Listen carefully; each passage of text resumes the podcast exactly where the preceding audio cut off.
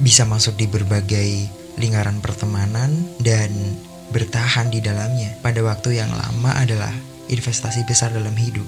Ya, bagaimana tidak? Pertemanan yang membuatku mengurungkan niat untuk menarik diri dari sosial. Pertemanan yang membuat hati ini berdamai dengan segala perbedaan. Ya, perbedaan di dalamnya. Pertemanan yang membuat jarak menjadi dekat, sendiri menjadi bersama, sepi menjadi gembira. Waktu menjadi lebih berwarna, hidup jadi lebih variatif karena pertemanan.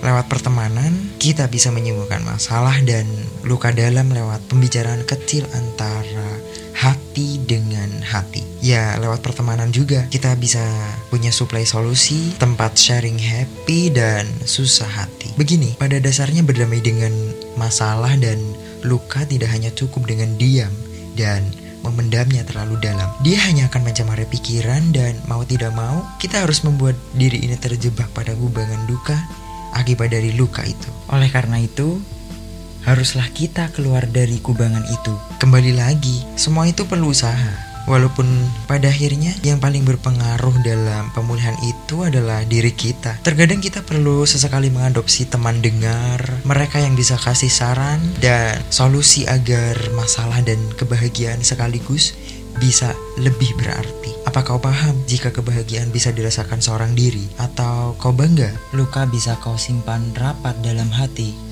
So, lihatlah dirimu. Kau begitu lemah untuk terus diam. Kecuali kau yang berusaha untuk terus terlihat kuat, ya mungkin memang pada dasarnya kau terlahir untuk kuat. Tapi coba kau percaya bahwa dengan pertemanan membuat luka lebih dari sekedar rahasia pribadi. Tapi masalah pribadi yang kemudian bisa dicarikan solusi sekaligus kau sadar bahwa di dunia kau tidak seorang diri. Manusia menjadi seorang diri ketika memiliki masalah ataupun luka hati. Namun manusia juga menjadi bersama ketika mereka memiliki rasa bahagia.